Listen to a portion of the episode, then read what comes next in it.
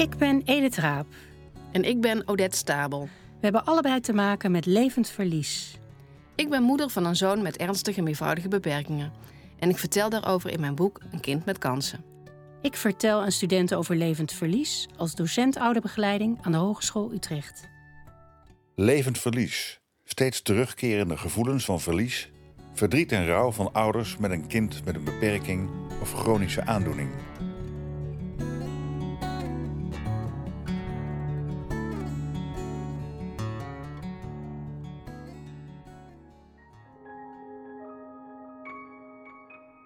In elke podcast zijn we op zoek naar nieuwe invalshoeken op levend verlies.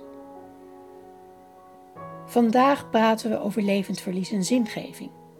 We doen dat met Lucie Hendricks. Lucie is docent aan de Hogeschool Zuid en heeft een eigen praktijk als spiritueel coach. We vragen Lucie zich voor te stellen.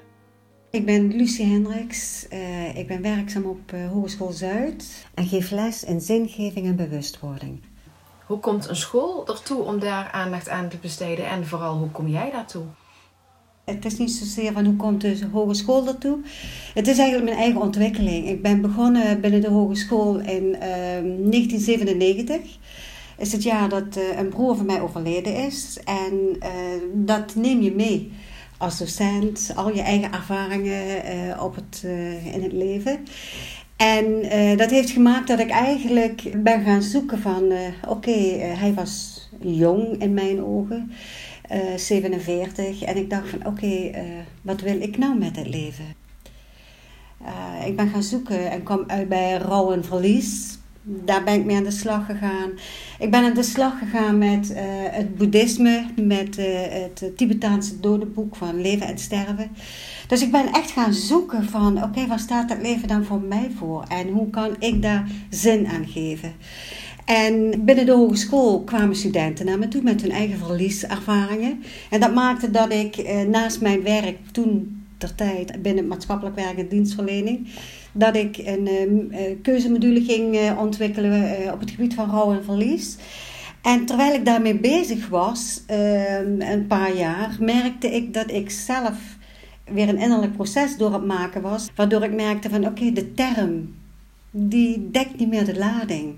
Het, ik ben eigenlijk meer bezig over bewustzijn, over zelfbewustzijn. Uh, wat betekent iets voor mij en hoe kan ik uh, die rouwervaring of die verlieservaring die ik heb, uh, hoe kan ik daar betekenis aan geven?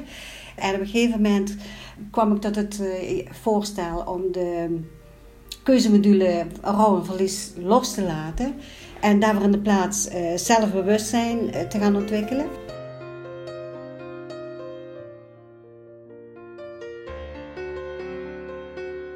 Lucie verschuift van rouw en verlies naar zingeving en bewustwording. Dat proces begon met dat ze zichzelf andere vragen ging stellen. Welke vragen waren dat? Uh, hoezo mag ik doorleven en mijn broer is gegaan? Dat soort vragen, um, ja, die werden eigenlijk heel indringend en maakten dat ik daardoor nog meer eigenlijk stil ging staan bij, en wat voel ik nou? Wat voel ik nou eigenlijk? Voor Lucie is zingeving sterk verbonden aan voelen wat dingen voor je betekenen. Ik kwam tot de ontdekking dat ik heel veel dingen gewoon weggestopt had. Wat voor dingen had je weggestopt? Gevoelens als boosheid, uh, verdriet, om, juist omdat ik dacht van oké, ik ben een moeder van drie kinderen, ik heb een baan, ik heb tijd, ik moet door, ik moet door, ik moet door. Dus ik ben een beetje in die overlevensmodus terechtgekomen. En uh, het blijven hangen in het verlies uh, om, voelde ook niet meer goed. Is dat zo? Blijf je hangen in verlies als je voorbij gaat aan gevoelens van boosheid en verdriet? Of kom je niet toe aan verlies? Als je um, blijft hangen, dan uh, onderken je voor mij, naar mijn idee, niet de realiteit. En juist als je gaat voelen wat het je doet en stil durft te staan bij boosheid, um, bij, de, bij wat het ook is wat, wat er te voelen is, dan um, kun je naar mijn idee de realiteit beter accepteren. dus accepteren van oké, dit is wat is. In plaats van eh, het weg te stoppen. Voor mij is acceptatie van de realiteit dus dat je je durft te laten raken door de realiteit.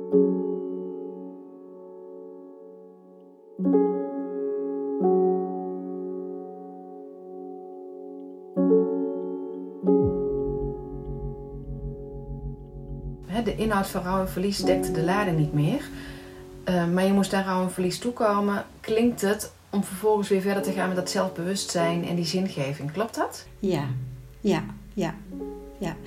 Dus het alleen maar met studenten in gesprek zijn over hun verdriet, over het voelen van dat verdriet, dat was alsof het, oké, nou hebben we dit gevoel, maar er is meer.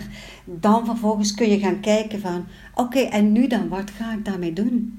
Uh, welke inzichten geeft het mij? Uh, welke patronen belemmeren mij om nieuwe dingen op te pakken? Om anders te kunnen kijken wellicht. In plaats van uh, te kijken als van, oh wat erg dat mij dat is overkomen. Maar kunnen gaan kijken van, ik heb het verdriet gevoeld, maar nu zou ik graag willen gaan kijken van, oké, wat heeft het me gebracht? Of wat kan het me brengen? Of hoe kan ik er anders mee omgaan? Dus, dus er kwam eigenlijk meer perspectief.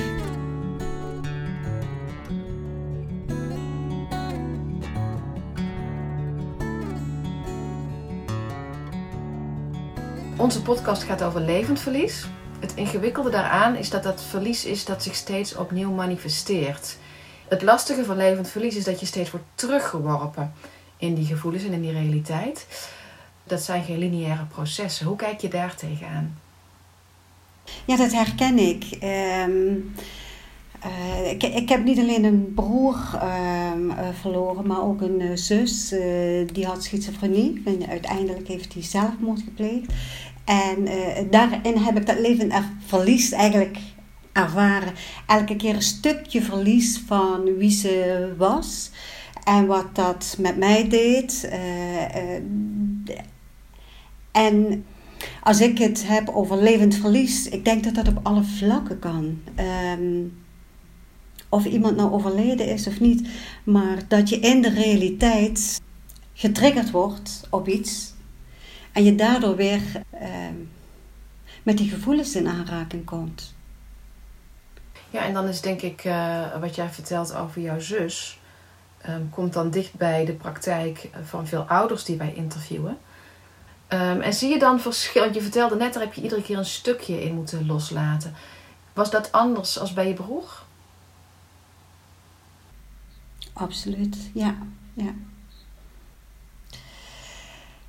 Um, wat ik bij haar uh, heb moeten loslaten, is elke keer een stukje van haar uh, zijn, van haar persoonlijkheid van uh, zien hoe steeds uh, beperkter zij werd in de dingen die ze nog kon. En hoe moeilijk dat voor haar was om daar doorheen te gaan, want het was een hele intelligente vrouw. Dus zij had ook uh, helder van: oké, ik ben dingen aan het verliezen. En, en ik heb dat ook gezien. Ik heb gevoeld van: oké, ik ben nou een zus eigenlijk aan het verliezen, maar ze is er nog.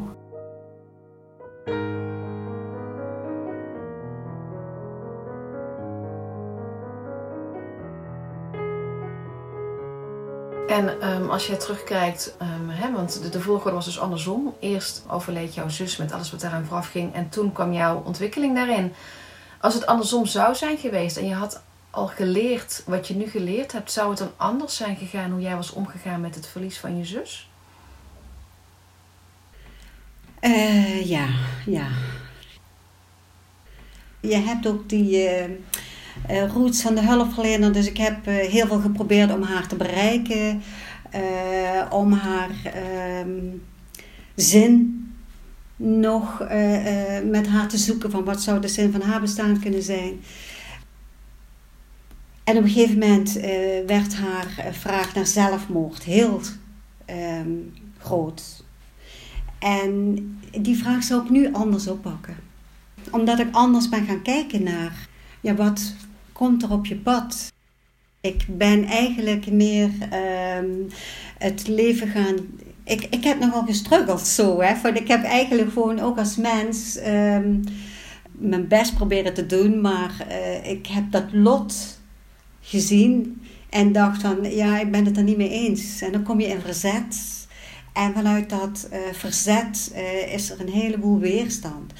En uh, wat ik gaandeweg in mijn leven ben aan het leren is om de weerstand te voelen als ik die heb. En vervolgens die weerstand los te kunnen laten en me kunnen overgeven aan dat wat is. En dat is denk ik heel lastig, maar dan zou ik uh, een, een ander gesprek met haar gevoerd hebben over, um, over de dood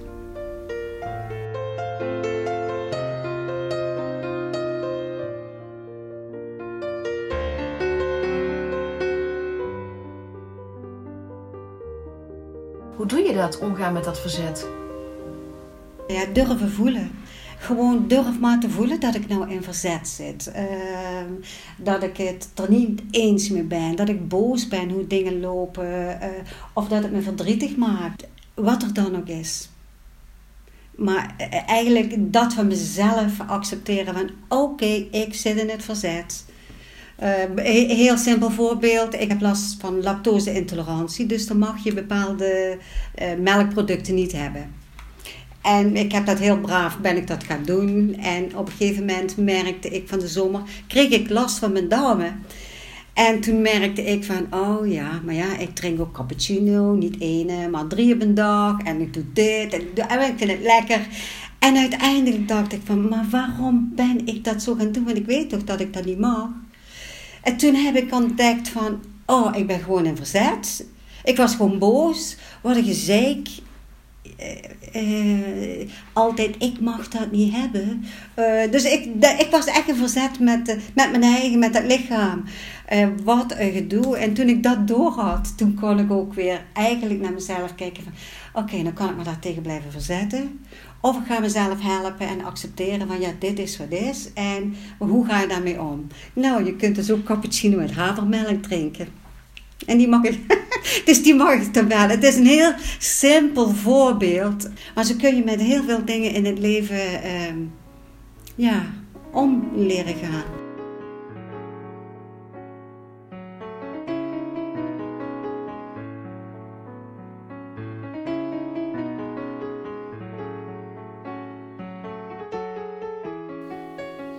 We vragen Lucie naar haar werk als spiritueel coach. Hoe kwam zij daartoe? Zoals ik je al aangaf, het is voor mij een weg geweest, die spirituele weg. Ik heb eigenlijk als klein kind al gevoeld van er is veel meer tussen hemel en aarde. Maar ik was bang, want als je uh, gaat geloven dat er meer is, dan is er niet alleen positiviteit, maar is er ook negativiteit. En voor die negativiteit, daar was ik gewoon bang voor. Dus ik dacht, ik wil daar niks mee te maken hebben. Ik hou dat lekker buiten me. Uh, ik leef mijn leven. Maar het overlijden van mijn vader in 92, uh, toen heb ik ervaren van... Hij, kwam gewoon in mijn bed. Ik denk, jemig. Dus er gebeurden dingen waardoor ik dacht van... Oké, okay, nou kun je blijven weglopen. Dan kun je blijven ontkennen. Of je gaat het onderzoeken. En ik heb toen nog tegen mijn vader gezegd: Nou, oké, mooi, uh, mooi uh, maar uh, verder wil ik dat je me met rust laat. Hè? Maar ja, toen ging een paar jaar later mijn broer dood. En in die tussentijd heb ik dat veel meer gezien van: Oké, het is er, het is er. En door mijn broer ben ik boeken gaan lezen. Toen dacht ik: En nou ga ik op zoek. En. Um, dus ik ben gaan onderzoeken. Uh, en door het zelf te gaan ervaren en onderzoeken, ben ik gaan merken van oké, dat is toch gewoon, het is gewoon zo. En uh, heel veel mensen hebben me natuurlijk uh, daarvan proberen um, af te houden, weg te houden, met mij de discussie erover aan te gaan. En daar heb ik een heel proces in doorlopen en gevoeld van ja, jij mag jouw geloof daarin hebben, ik heb mijne. Voor mij is dat is dit de waarheid. En voor een ander is er een andere waarheid.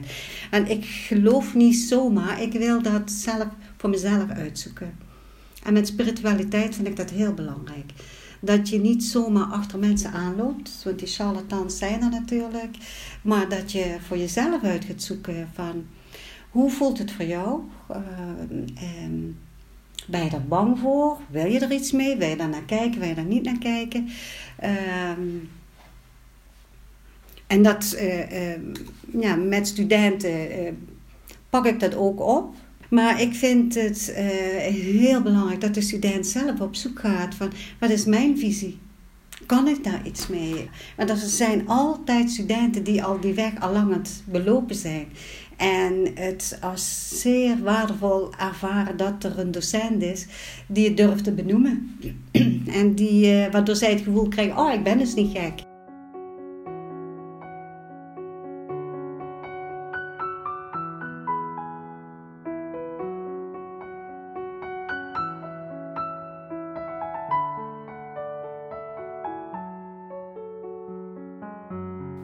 Ziet het coachingsproces eruit? Welke stappen maakt ze? Als de klant bij me komt, dan ga ik met hem op zoek van uh, ja, wat natuurlijk de vraag is. Ik ga kijken wat zijn levenssituatie is. Hoe die zich daarbij voelt. Um, en eigenlijk kom ik er al heel snel dan uh, achter dat, uh, dat de klant niet tevreden is met de situatie waar hij in zit. En de vragen die ik stel zijn uh, andere vragen dan. Um, het zijn eigenlijk vragen naar van de verantwoordelijkheid die iemand neemt. Van goh, wat zou je daar nou mee willen doen?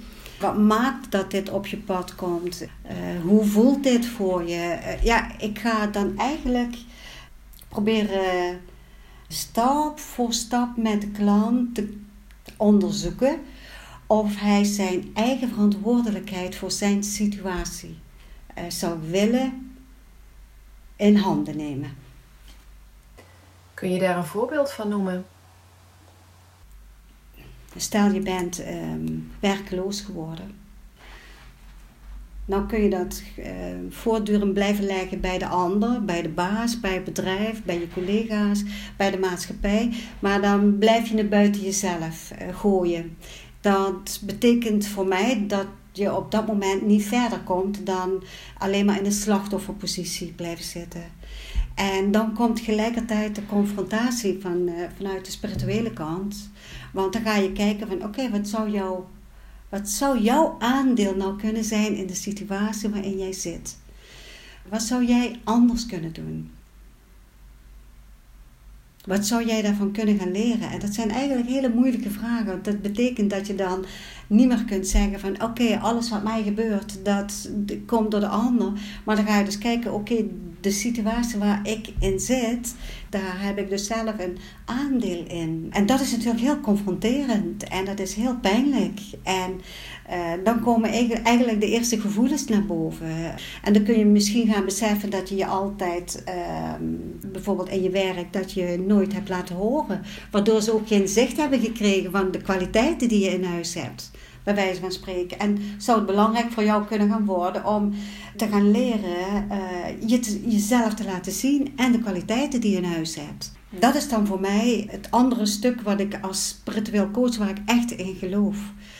Een klant die daar niet in mee wil bewegen, alle respect voor.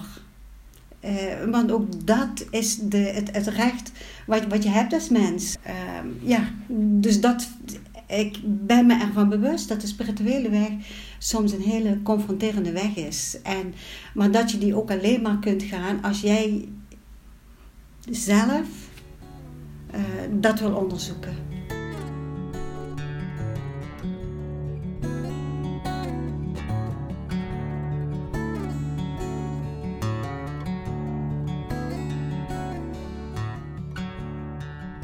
Stel, een ouder als ik komt bij jou in de praktijk. Um, en dan moet je natuurlijk een hulpvraag stellen, dus die verzin ik nu ter plekke. Um, ik merk vaak dat ouders die al langer meedraaien, op een gegeven moment is het op. Dan hebben ze genoeg gezocht naar extra bestemmingen en noem maar op. En ze worden ingehaald iedere keer weer door dat levend verlies. En ze zijn uh, vervroegd moe. Um, dus ik kan me voorstellen dat iemand bij jou zou komen, misschien ik wel, met Lucie. Ik weet het gewoon even niet meer. Help mij nieuwe energie te vinden. En help mij uh, toch weer iets te vinden waardoor ik de komende, misschien hè, is me nog zoveel jaar gegeven, weer met frisse moed verder kan.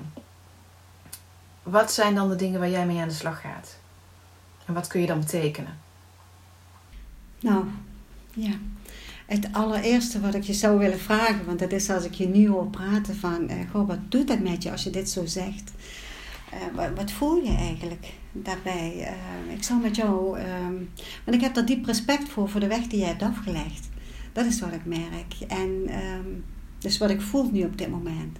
Daar zou ik met jou willen, eh, naar willen gaan kijken. Je bent niet zomaar moe geworden, je hebt gestreden.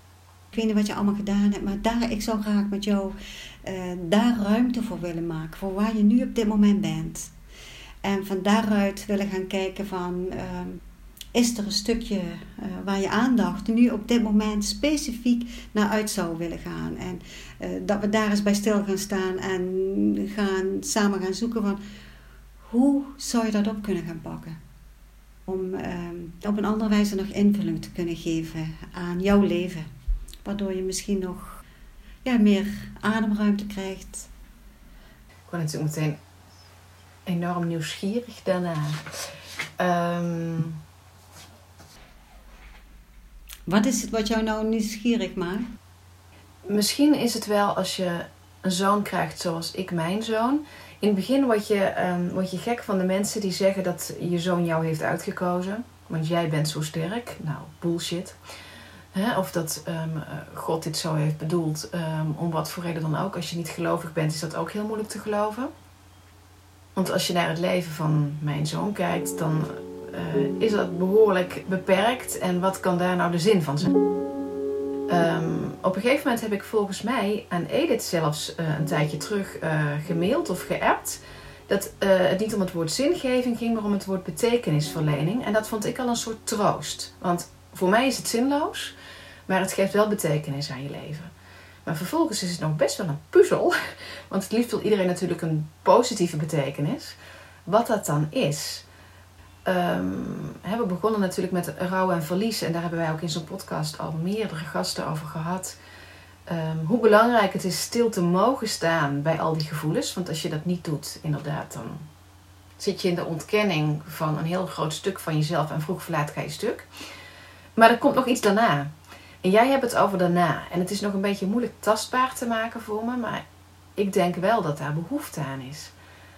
Ja, uh, ik, ik heb een paar vragen tegelijkertijd uh, gehoord. Want je had het ook over van, oké, en nu daarna, wat ga je dan doen? Ja, dan kom je voor mij eigenlijk uit bij zelfrealisatie. Wat is het wat je neer wil gaan zetten? En ook daar de activiteiten bij gaan bedenken. Van hoe kan ik dat doen? En het begint met lichaamsbewustzijn gewoon naar binnen durven gaan. En nou zeg ik gewoon naar binnen durven gaan. Maar dat is eigenlijk al een hele grote stap voor mensen om te durven voelen. Want we hebben dat ook niet zo geleerd. Om te voelen wat iets, iets ons doet. En op het moment dat je daar iets gaat voelen, dan heeft dat consequenties. Uh, want het is niet altijd leuk wat daar te voelen is. En vanuit dat voelen, uh, dat bespreekbaar durven maken. Welke woorden zou je daaraan kunnen geven? Misschien ben je zo boos. Misschien helpt het jou wel dat je eens even. Uh, ik, ja, ik geef dan zo'n voorbeeld van: je kunt naar het bos gaan. Dan pak je lekker een stok en dan zoek je een hele dikke boom uit, weet je, die daar geen last van hebben. Dan ga je daar maar eens flink uh, al die gevoelens naar buiten laten komen. Want alles wat je in je houdt, ja, dan gaat het ook maken dat je gaat verkrampen, verbitteren. Daar help je jezelf niet mee, maar ook de ander niet. Dat zijn eigenlijk de eerste stappen. Durven, echt durven voelen en met het gevoel iets gaan doen. En dan inzicht gaan zoeken en vanuit dat inzicht uh, komen tot zelfacceptatie van oké, dit is wie ik dus ben met al mijn uh, goede dingen, maar ook met mijn minder uh, goede dingen. Die, ja, die hebben we allemaal. Um, welke patronen hou, hou ik mezelf gevangen? Wat zou ik kunnen gaan loslaten? En hoe zou ik dat kunnen gaan loslaten? Om uiteindelijk, eh, ik noem dat dan in de minor zelfrealisatie, om uit te komen bij wat ik graag nu uh, zou willen neer gaan zetten. En als jij het hebt over, ik zou misschien minder moe willen zijn. Uh, zou ik eerst met jou samen willen gaan kijken van, wat zou dat dan voor een woord zijn? Hoe zou dat dan eruit zien? En wat heb je dan nodig om daar te kunnen gaan komen? En er zijn ook weer heel veel verschillende wegen voor die mogelijk zijn om daar dan uit te kunnen gaan komen.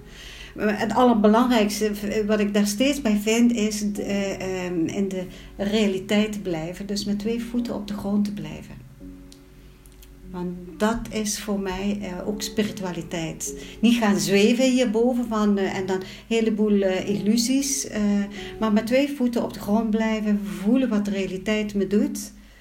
Ben ik ergens niet tevreden over, oké, wat zou ik me willen zeggen? Wat zou ik anders kunnen oppakken? En ja, dat is dan eigenlijk heel in het kort ehm, de stappen die ik zou kunnen doorlopen met een klant.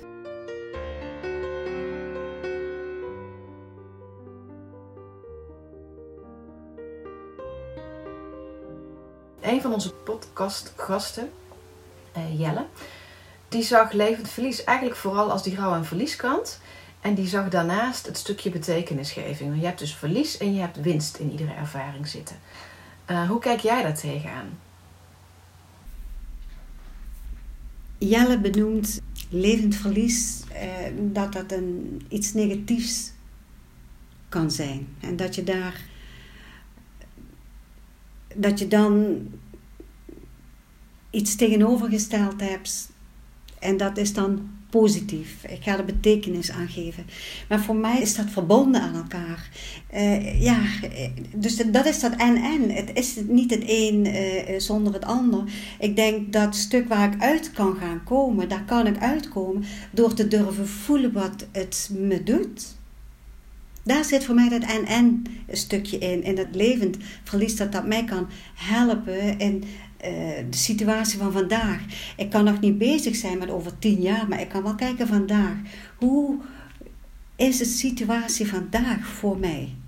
En hoe voelt dit? En wat voor inzicht kan ik daaruit uh, halen? En, en welk ander gedrag zou ik dan nu kunnen neer gaan zetten? Dus het is, voor mij is, de, is dat inderdaad en en. Het is niet het een zonder het ander. En alleen maar een schop onder de kont, dat is wat ik heel lang uh, ook uh, in mijn uh, voorgaande jaren gedaan heb. Zo van, allee, schouders eronder en maar door. Maar die rouw en dat verlies en die gevoelens, en die zitten in je lichaam. En die sleep je mee.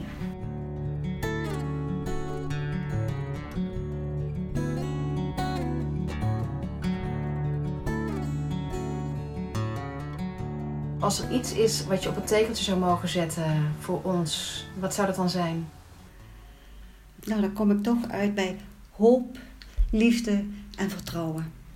Hoop in de zin van hoe zwart en hoe zwaar iets ook is in de situatie op dat moment.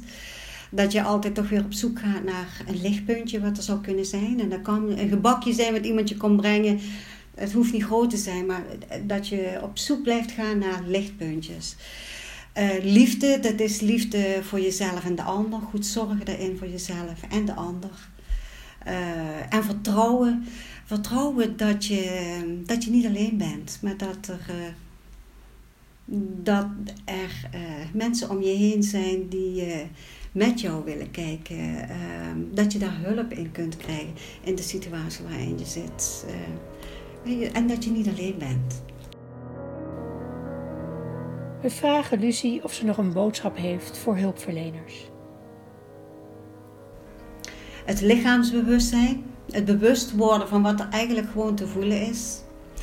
Uh, daar stil bij durven staan. Uh, durven in gesprek te gaan over uh, gevoelens. Dat wordt toch nog heel veel weggedrukt. Uh, op zoek te gaan naar je eigen patronen, naar je eigen belemmeringen, naar je eigen kwetsbaarheid ja, dat mensen durven zijn.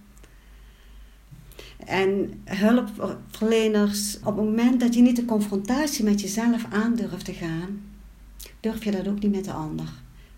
Dan wordt het verstandelijk. En ik denk meer stil daarbij durven staan.